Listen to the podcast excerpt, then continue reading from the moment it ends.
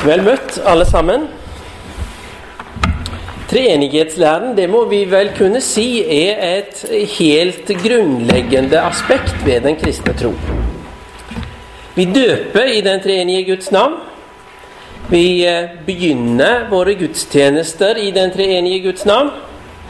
Og hvis vi går til de klassiske oldkirkelige bekjennelsestekstene, så har to av de en treenig struktur. Og det tredje, Atanasianum, reflekterer uttrykkelig over treenigheten. Derfor så må vi kanskje kunne si at det er i viss forstand noe teologisk og økumenisk ukontroversielt over treenighetslæren. Det er nokså langt på vei, eh, i hvert fall blant teologer og informerte lekfolk, og det er jo vi som er her, eh, enighet om at dette er noe som er så sentralt at det, det må betraktes som en uoppgivelig del av den kristne troslære. Vi kan faktisk gå flere hundre år tilbake gjennom teologihistorien.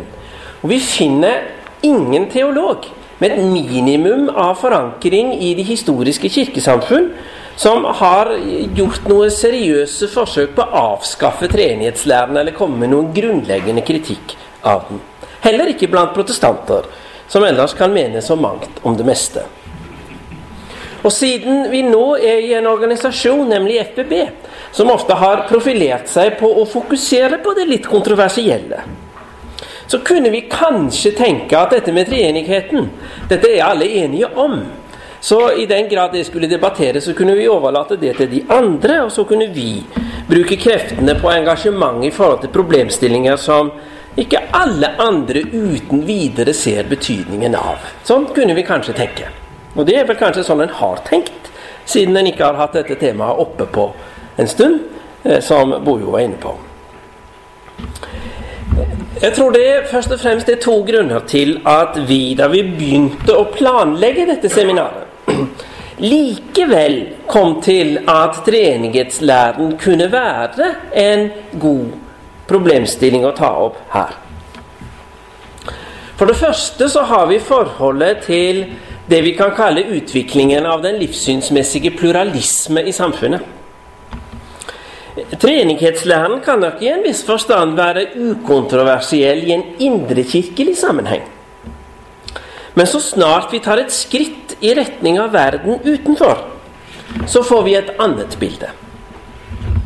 Innenfor en mer allmenn religionsdebatt vil en ofte forholde seg til treenighetslæren med avvisning eller likegyldighet. Og det er kanskje enda verre. Hva er egentlig dette for noe? Det er ingen andre religioner eller livssyn som har noen klare paralleller til den kristne lære om treenigheten. Og det gjør at uten et indrekirkelig perspektiv så vil det lett virke fremmed. Innvandring og globalisering har altså gjort islam til en aktuell utfordring. Og for muslimer har kritikk av den kristne treenighetslæren alltid vært sentral. For det andre så kan det jo også i den løpende debatt innenfor kirkelig teologi også være eh, uenighet om hvordan treenighetslæren skal forstås. Vi kan være enige om at den er viktig, men det kan være betydelig uenighet om hvorfor og på hvilken måte. Og det har også i nyere tid utviklet seg trossamfunn med kristen bakgrunn som tar avstand fra klassisk treenighetslære og som vi nettopp av den grunn kan være i tvil om vi skal forstå som kristne kirkesamfunn. De viktigste eksemplene her er vel mormonerne og Jehovas vitner. Begge disse grunnene, vi kan kalle de for ytre og indre, gjør det naturlig å fokusere på treenighetslæren. Og å gjøre det på en måte som får fram dens innholdsmessige fylde.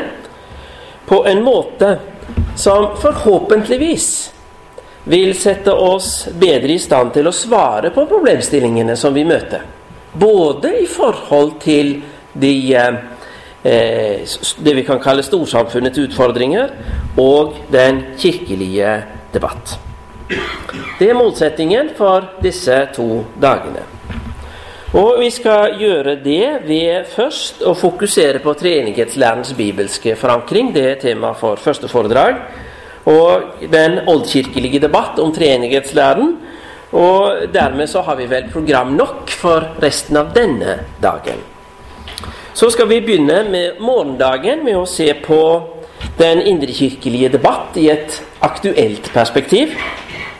Og da også se litt på den kritikk av treenighetslæren som i nyere tid er satt fram av mennesker som ellers primært orienterer seg ut fra en bibelsk virkelighetsforståelse. Og til sist så skal vi se i morgen på treenighetslærens aktuelle implikasjoner, både i forhold til utfordringen fra islam, og når det gjelder praktisk menighetsliv i form av en drøftelse av treenighetslæren i prekensammenheng. På den måten så tror jeg vi skal få en utdypet forståelse både av treenighetslærens innhold, begrunnelse og anvendelse i ulike kontekster. Og Klarer vi det på to dager, så har vi i grunnen brukt tiden godt. Ja, nå skrudde jeg av den elektroniske peisen, for den greide ikke å åpne fila mi. Men jeg tror det er minst like bra å bare basere seg på det muntlige. Det burde oss gjøre oftere. Så var det trivelig å komme hit og se så mange på seminar. Og å bli ønsket velkommen til et sysjenbånd, Turi. Det var en trivelig overrasking. Jeg er altså rektor på Kvitsund gymnas til daglig, og jeg har jo elever rundt meg som er helt i startfasen av det å, å trenge dypere inn i kristen tru. Eh, mange av dem kommer fra kristen bakgrunn, men har veldig liten kunnskap om truet. Truet på Gud som Far, Sønn og Heilag Ande, den er jo helt sentral og helt umistelig, vet oss. Og Likevel er det, som det ble sagt i starten, det er sjelden oss stanser opp og virkelig grunner over dette mysteriet. Det blir regna som så sjølsagt og grunnleggende.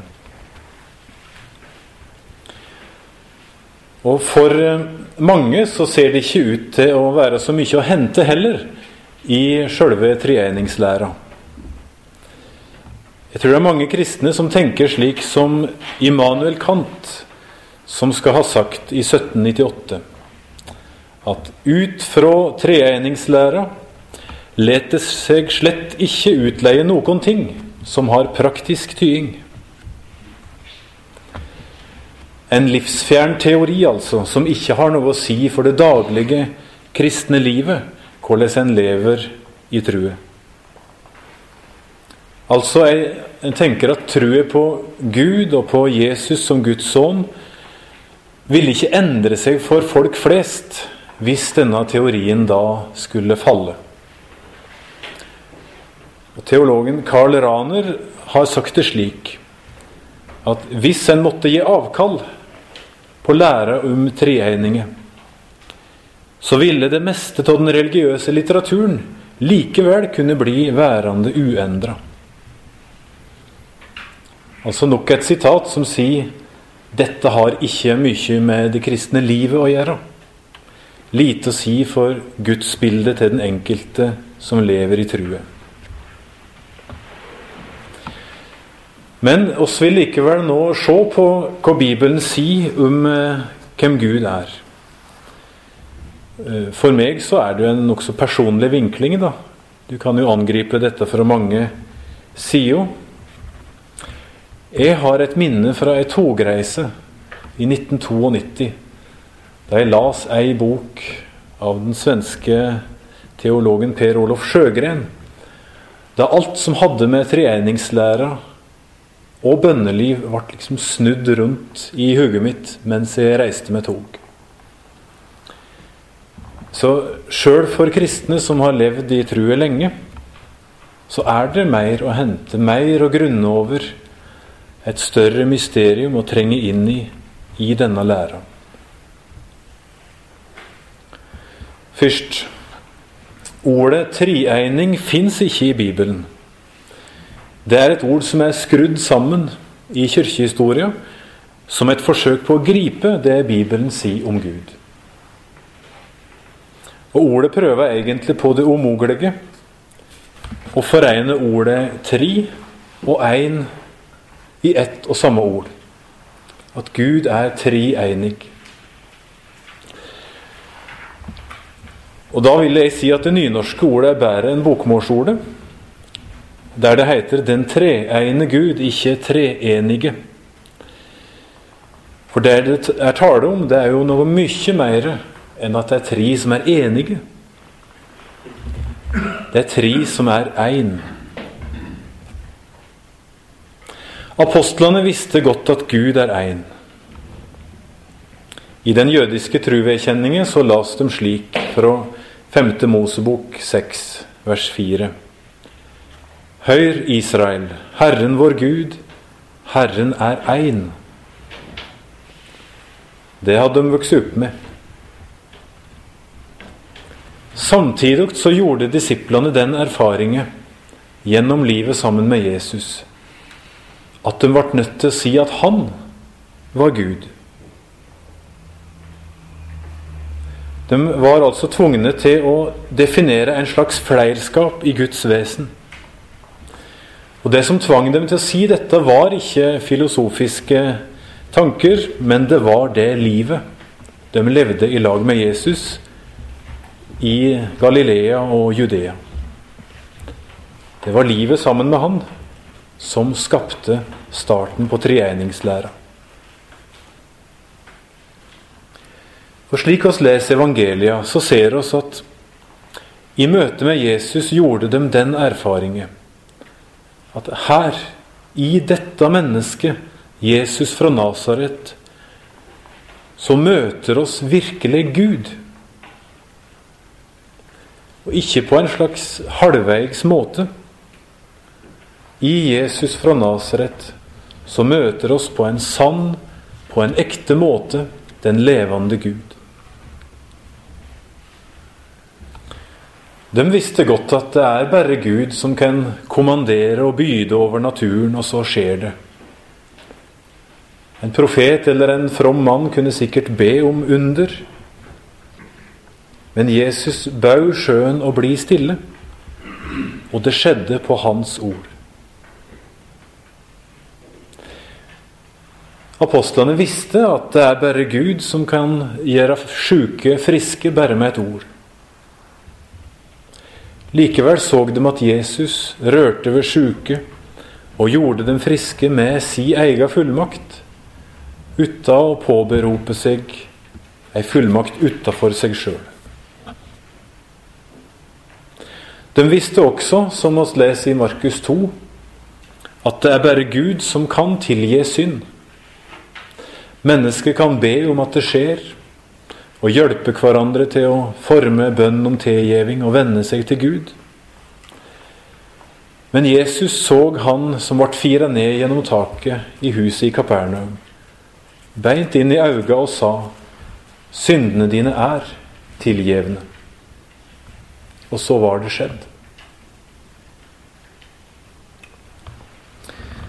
Så dette levende møtet med Jesus fra dag til dag gjennom det han sa og gjorde. Det var det som skapte denne trangen til å vedkjenne at ja, Herren er én, og samtidig møter oss den sanne Gud i Jesus Kristus.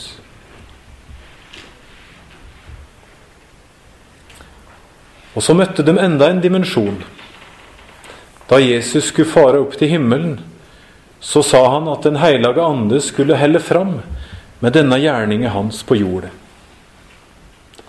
Den hellige ande skulle gjøre samme gjerning som han hadde gjort.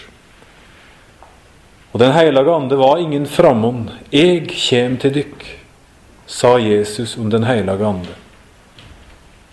Altså enda en dimensjon. Og det var Jesus som avslutta livet med, sammen med dem med å byde dem å døype i navnet åt Faderen og Sønnen og Den hellige ande.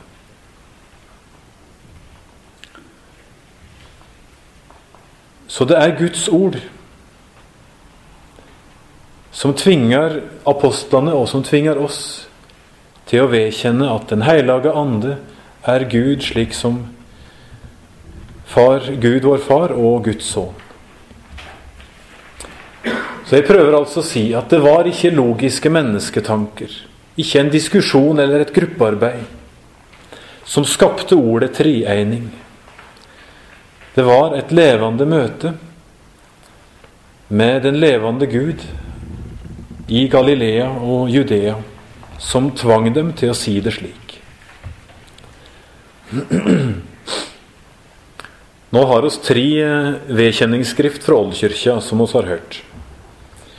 Den apostoliske og den nikenske truvedkjenninger kjenner oss godt fra gudstjenester og fra katekisme. Men for veldig mange kristne så er den atanasianske truvedkjenningen mindre kjent. Ikke bare er navnet langt og vanskelig. Skriftet sjøl er et langt og nokså omstendelig forsøk fra tidlig kirkehistorie på å gripe det Bibelen sier om Gud. Eh, du kan liksom høre og kjenne hvordan de strever og kjemper for å prøve å gripe i ord det som ikke går i hop logisk. Hvis dere leser litt utdrag fra artikkel 10 og utover, så kan du høre det. De sier Evelig, altså evig, er Faderen. Evelig er Sønnen. Evig er Den hellige ande. Og likevel er det ikke tre evige, men én evig. Sameleis er Faderen allmektig, Sønnen allmektig, Den hellige ande allmektig. Og likevel er det ikke tre allmektige, men én allmektig. Såleis er Faderen Gud, Sønnen Gud, Den hellige ande Gud. Og likevel er det ikke tre guder, men én Gud.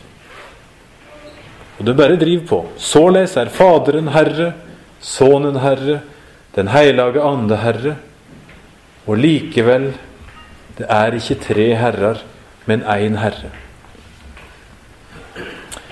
Så du, du kjenner, kjenner, deg att i eh, hvordan de strever og kjempa for å prøve å si to ting på én gang. Les en hele truvekjenningen, vil en også se at hun langt på vei er ei lovprising. Og ei lovprising er vel kanskje den beste måten å gripe det uforståelige på. Det er mye oss kan si i tilbedende språk som ikke trenger å gå opp logisk. Og så kommer artikkel 19 i den atanasianske truvedkjenningen. Der de som forma vedkjenningen, da setter ord på sjølve dilemmaet. Det uløselige dilemmaet de kjenner på og strever med. At de er tvungne til å si begge deler. Hør nå på hvordan de ordlegger seg.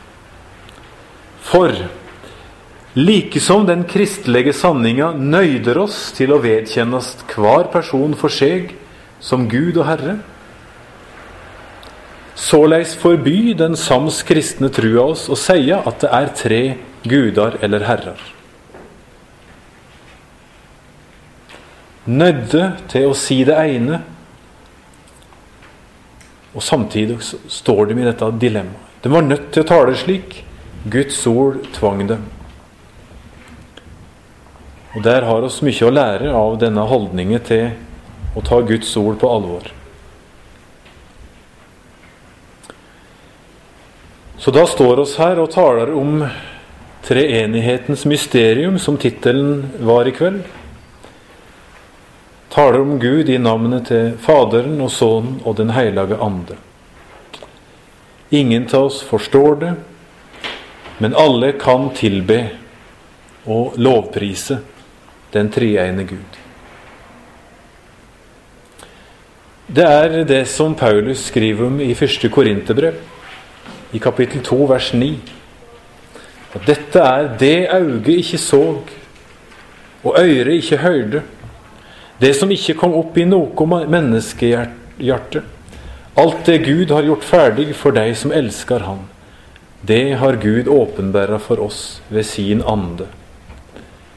Det kan oss godt si om dette gudsbildet.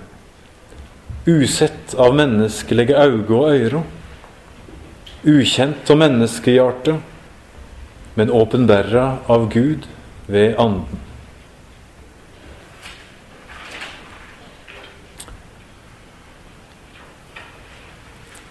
Når vi ser på bibeltekstene, så finner ikke jeg at ordet om Far, Sønn og Heilag Ande er et slags problem.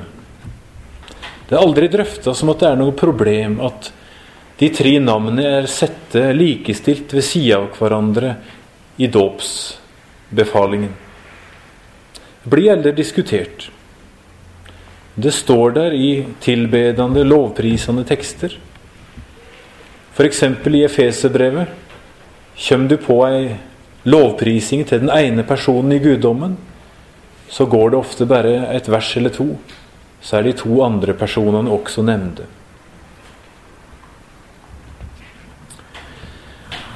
Så vet vi at treeininger er ikke bare tre kostymer for Gud. Det har jo vært avvist tidligere i kirkehistoria. Det kunne kanskje vært en god pedagogisk modell, men han er ikke nær oss bare på tre måter. Nærmest i tre ulike forkledninger. Men nær i egenskapen av tre klart åtskilte personer som er den treeiende Gud. Og Da tror jeg det er lettest for oss å tenke på oss sjøl som et enkelt kristenmenneske. Hvordan oss sjøl lever i trua og har det daglige forholdet til Gud. Han er vår far. Gud, vår far, han er den som har skapt oss, som holder livet oppi oss. Uten at han holdt livet vårt i si hånd, så ville ikke hjertet vårt slå et sekund til. Han holder sitt skaperverk oppe med en grenseløs fars omsorg. Samtidig Gud er vår frelser, vår bror, Jesus, som er tett ved sida vår, som det står i sangen. Som har kommet til jordet, ofra seg for oss, gjeve livet sitt, frelst oss, åpna døra til himmelen, og som er oss heilt nær, inderlig nær i det daglige. I lønnkammeret eller der to eller tre er samla i Hans navn. Samtidig i vårt daglige kristenliv så er Gud nær oss, Den hellige ande, som bor i oss, har tid bostad der inne, som stadig tenner opp att flammen der inne, truet som lever i oss, som kviskrar bønner gjennom oss når oss ikke finner ord sjøl som holder livet i truet på Jesus levende i oss.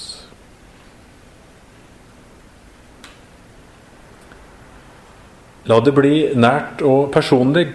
Da kjenner oss hvordan Gud slik omslutter oss på alle sider og gjennomtrenger hele livet vårt som kristne. Som tre personer og som én Gud.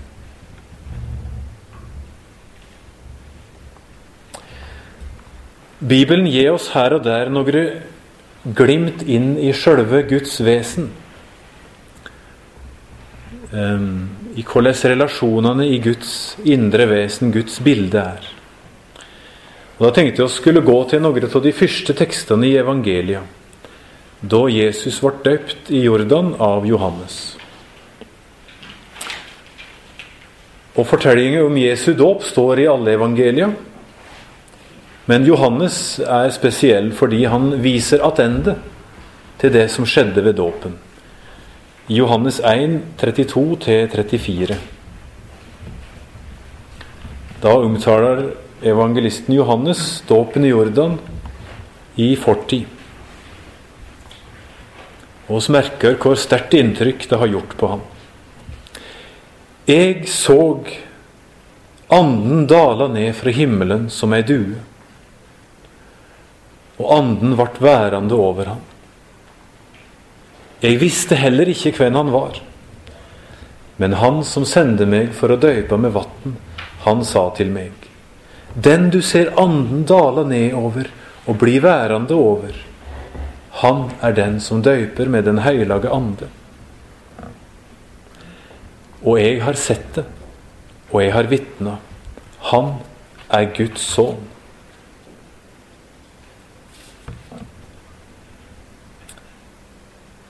Det er rart å høre at døperen Johannes sier 'Jeg visste ikke hvem Jesus var'. De var i slekt. De hadde møttes mange ganger. Men han hadde lenge ikke skjønt hvem han virkelig var. Men det store altså oss kjenner jo Johannes som en litt harsk botspredikant, ikke sant? Som i Matteus, Markus og Lukas forteller om Jesus som en dommer som skal komme og renske kornet på treskeplassen. Men her, så Johannes, så ser han alt i ettertankens lys. Han visste ikke hvem Jesus var, men nå har han sett det. Og det som forandra alt, det var dåpen i Jordan. Da det plutselig ble vist han at Jesus er Guds sønn, mer enn en profet, mer enn et godt menneske. Du er sønnen min, som jeg elsker. Dette punktet kommer også i livet til alle som tror på Jesus. At en kanskje tror en har visst hvem han er, men plutselig innser at 'jeg har ikke sett det vesentlige'. Og skal oss se det, må Gud vise det i ordet sitt og åpenbære det for oss. Døperen Johannes ble en forandra mann av det han så ved dåpen. Etterpå så kunne han forkynne helt annerledes om Jesus, ikke som en dommerfigur, men se der Guds lam, som bærer hver synd. Da var det helt andre toner som kom. Går oss til tekstene om Jesu dåp i de tre første evangelia, så får oss et glimt inn i akkurat da det skjer. I Markus 1, vers 9-11 så skildrer Markus det, eller egentlig er det vel Peter som står bak og forteller. Skildrer det så levende at det er nesten som du og jeg står der på bredden av jorda. Der står det i Markus 1, 9. På den tida kom Jesus fra Nasaret i Galilea og ble døypt av Johannes i Jordan. Straks han steg opp av vatnet, så han himmelen dela seg. Og han så anden dala ned over seg som ei due. Og det kom ei røyst fra himmelen. Du er sønnen min, som jeg elsker. I deg har jeg mi glede. Jeg tror ikke de glemte det, de som var der og så det. Dette glimtet av Guds innerste vesen. En far som elsker sønnen sin. Og så kommer Den hellige ande ned som kjærleiksbåndet mellom de to. Vanligvis da Jesus vandra på jordet, så var ikke dette synlig, at han var Guds sønn. Han gikk rundt med en gjeng med enkle håndverkere og andre i disippelflokken. Han gikk ikke rundt med en gullkledning med lysende kjortel, gullbelte under bringa, som han kunne gjort. Han gikk rundt i ei enkel kappe, som de til slutt kasta lodd om. Og i stedet for tusener av engler, så var det tolv enkle menn som fyrte han. Og mange kvinner, står det. Men så altså noen korte, plutselige glimt av hvem Jesus virkelig er. F.eks. da englene sang på Betlehemsmarkene da han ble født. Her ved dåpen i Jordan. Og på fjellet da han ble forklåra for øynene deres. De så hvem han er. Så ser oss da ut ifra dåpstekstet ved Jordan et, et gudsbilde som er så nært og varmt og hjertelig. Jesus er sønnen som er så høyt elska av sin far i himmelen. Og far i himmelen, han elsker sønnen sin så høyt at han må si det så alle hører det. Du er sønnen min som jeg elsker.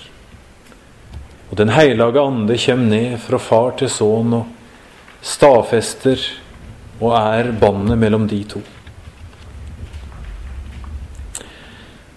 Hvordan tenker så folk flest om Gud i Norge i dag? Kanskje er det mange kristne som òg er usikre på hvordan de skal tenke. Mange tenker først og fremst på Gud som den ensomme, monarken der ute, langt ute i det evige. Gud som den utilnærmelige, enslige. Dette er vel egentlig den gamle greske tanken om Gud. All tale om at det er en slags fleirskap, et mangfold i Guds vesen, er da utenkelig. En umulig tanke at Gud skulle ha en sønn som er hans like. Omtrent som Ole Paus har skrevet i en av sine tekster, som du sikkert har hørt, som han leser. Et gudsbilde som jeg tror mange nordmenn deler. Da sier han Og lengst borte, i den fjerneste av alle himler, sitter Gud og ser jorden som en liten svart stein i det fjerne. Og han stryker sitt veldige skjegg og sier langsomt til seg selv Jaså, så det bor folk der ennå? Den utilnærmelige Gud. En følge av den måten å tenke om Gud på er at menneskeverdet på et vis blir redusert. For da blir det slik at Gud er ensom. Og fordi han vil ha selskap, så må han skape menneske. Han må skape mennesket som et middel for å stille sin egen ensomme følelse. Mennesket blir bare et middel for å stille Guds behov. Det er jo ikke det bildet oss møter av Gud i Bibelen. Gud er ikke ensom. Gud er den som elsker. Han har elska for evig tid. Gud er det evige kjærleiksbåndet mellom far og sønn og heilag ande. Gud er den evige utvekslingen av kjærleik som har pågått fra evig tid. Du er min sønn som jeg elsker. Ja, kjære far, jeg elsker også deg. Gud har ikke vært ensom. Den treegne kjærleiken har vært fra evig tid. Det var bildet jeg så i boka til Per Olof Sjøgren, 'Bønens veg'. Gud som den som har elska fra evig tid. Og dette er det vi ser gang etter gang i Jesu liv på jordet. Hans forhold til sin far i himmelen. At Gud er en far som elsker Sønnen i Den hellige ande. Gang etter gang så ser oss Jesus trekker seg tilbake, opp i fjellet, tidlig om morgenen, ut i øydemarket, for å være der hele natta i bønn. Han må holde denne kjærleiksutvekslingen med sin far i Den hellige ande, levende og i gang. Og det som skjer ved Jordan, er bare at denne evige samtalen nå blir synlig i et glimt. Da Gud, vår Fars stemme, kommer fra det høye. Du er min sønn, som jeg elsker. I deg har jeg mi glede. Og Den hellige ande kommer ned over Jesus. Kirkefaderen Augustin han har forklara treegningslæra ut ifra et kort sitat fra første Johannes brev. Det apostelen Johannes skriver i første brevet, i, i 4.16 er det vel, der står det Gud er kjærleik. Gud er kjærleik. Ja, sa Augustin, akkurat slik er det å forstå. Gud er kjærleik. For der det fins kjærleik, må det finnes, for det første, en som elsker. Det er logisk. Og det er Gud, vår Far i himmelen. Så må det for det andre finnes den som blir elska.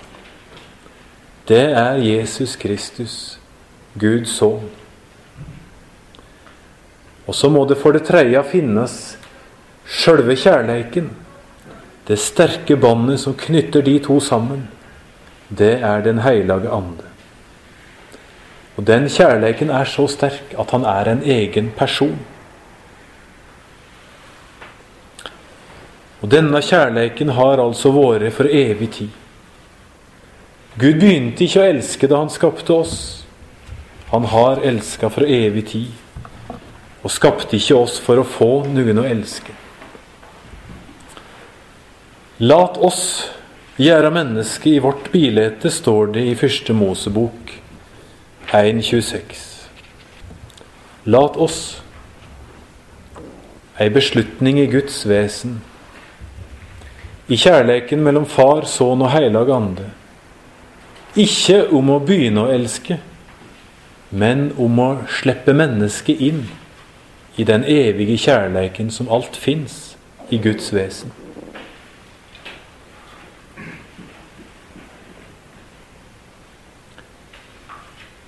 Det som da skjer når et menneske blir døpt og får lov til å bli et Guds barn, er at det blir lukka inn i denne evige kjærleiken som har vært der fra evig tid.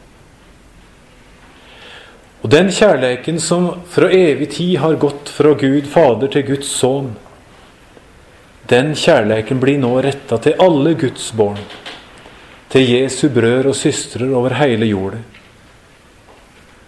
De har blitt søsken til Han som er så høyt elska.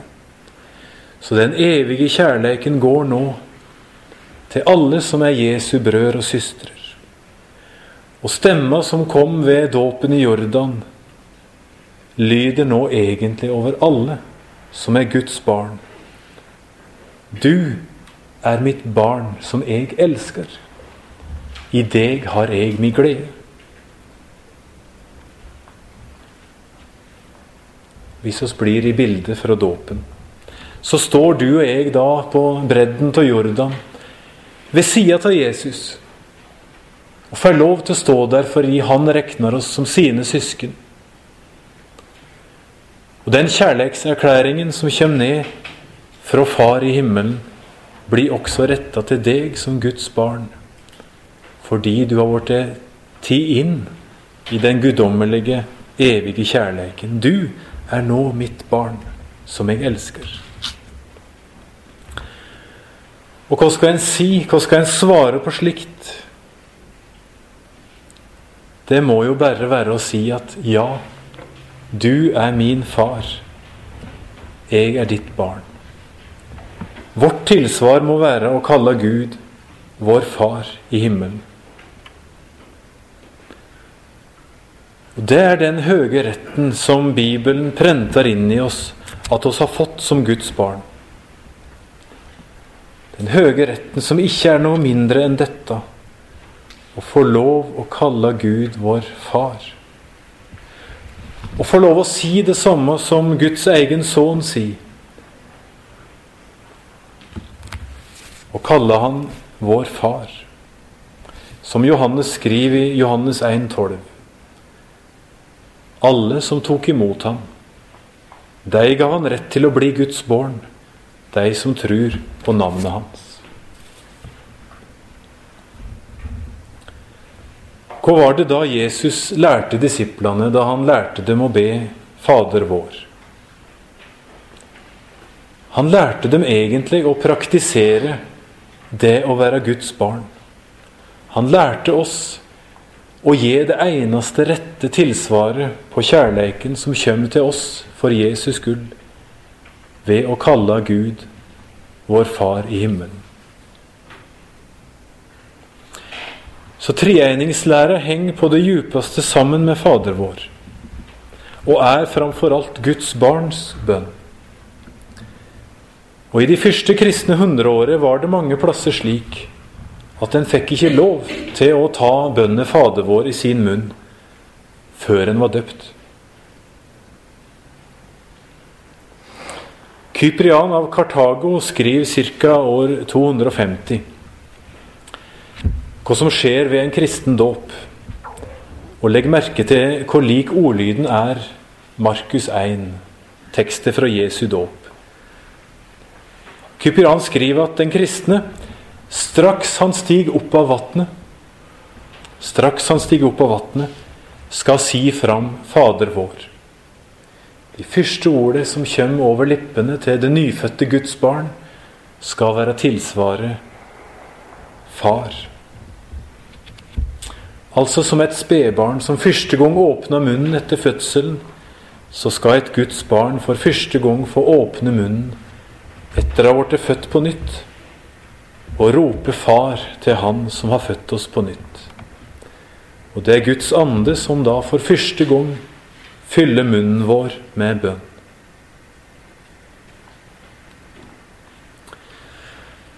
Vi finner flere tegn blant de første kristne på at de så en parallell til den kristne dåpen i denne teksten fra Jesu dåp. I to av brevet som biskop Ignatius skrev rundt år 110, så blir den kristne forsamlinge, Guds kirke, blir kalla for den elskede.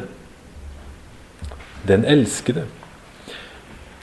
Forsamlinga har altså fått komme i samme stad som Jesus, og vorte den som blir kalla 'Du er mitt barn som jeg elsker'. Den elskede. Ja, de kunne være enda dristigere. De kunne bruke orda 'Du er min sønn, jeg har født deg i dag', til den som nylig var døpt og hadde kommet til tro. De kaller hverandre ikke bare Guds barn, men Guds sønn.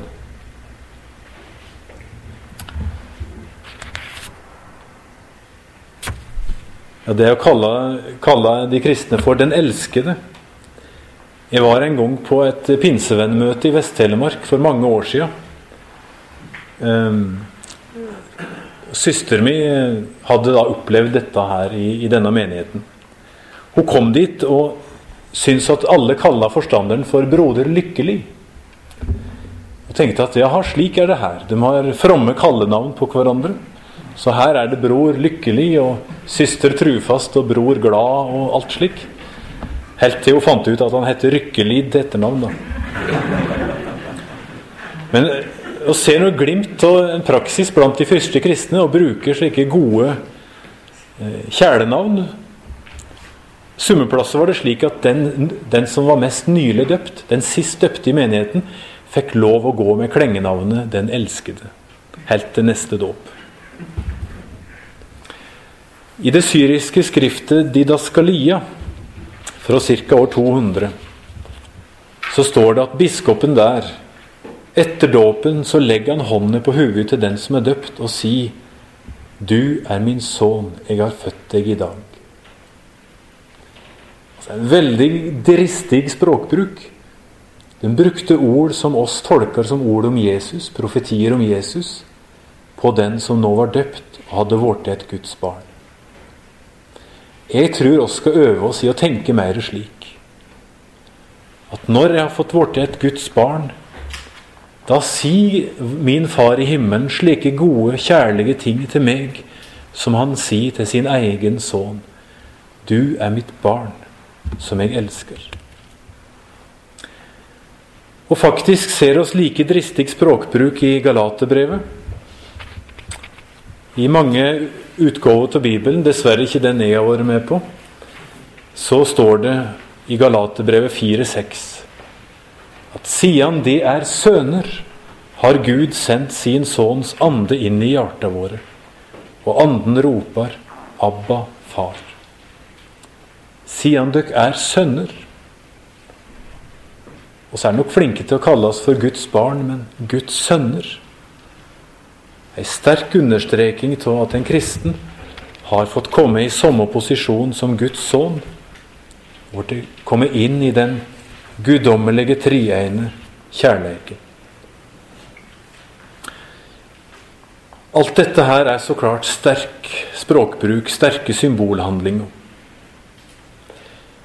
Men det vitner om én ting. Mange av våre kristne søsken tidlig i kirkehistoria visste at det å være Guds barn, det er å være plassert i sentrum av den guddommelige kjærleik. Å være gjenstand for den samme kjærleik som går fra far til sønn i Den hellige ande. Det er å vite med seg sjøl at for Jesus skyld så får jeg lov til å være et Guds barn. Stå ved Jesus side daglig og vite at den guddommelige kjærleiken også omslutter meg, slik som Jesus står i den kjærleiken.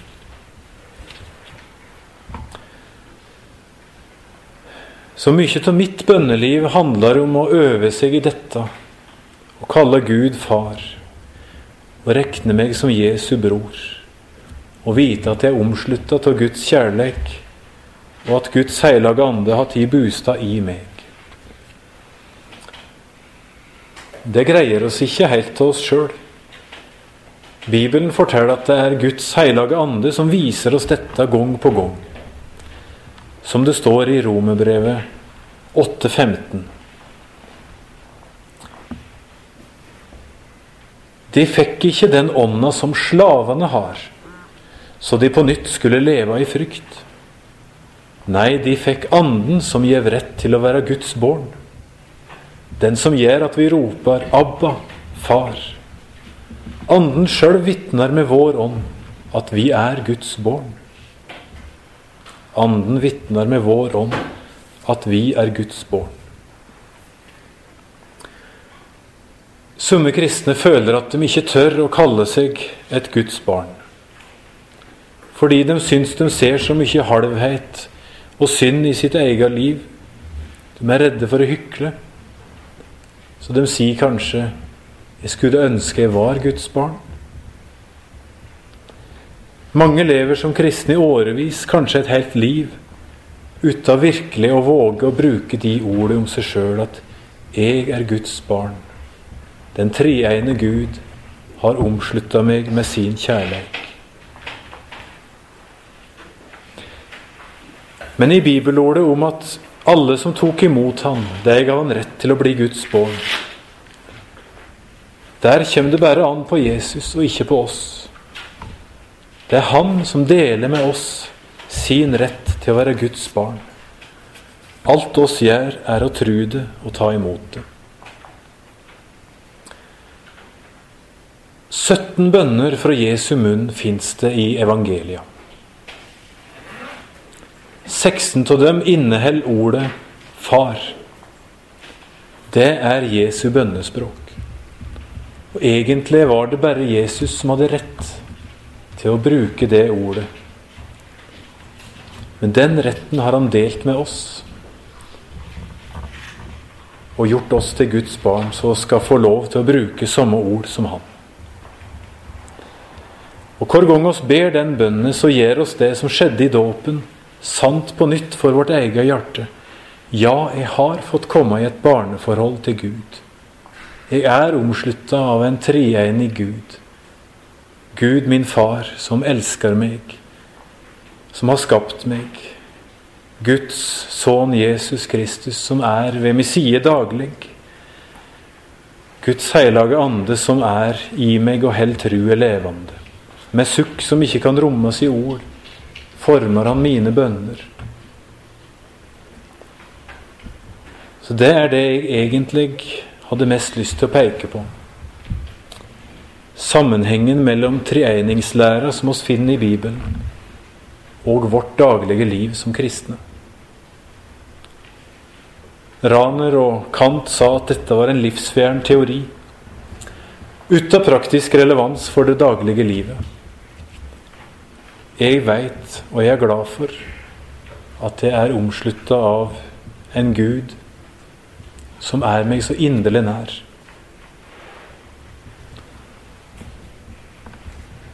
Så kan filosofene og de kloke klage så mye de vil. Jeg for min del vil helle fram med å leve i denne true. Og da tror jeg jeg stopper der. Ære være Faderen og Sønnen og Den hellige ande, som det var i opphavet, så nå og alltid, og i all eve. Amen.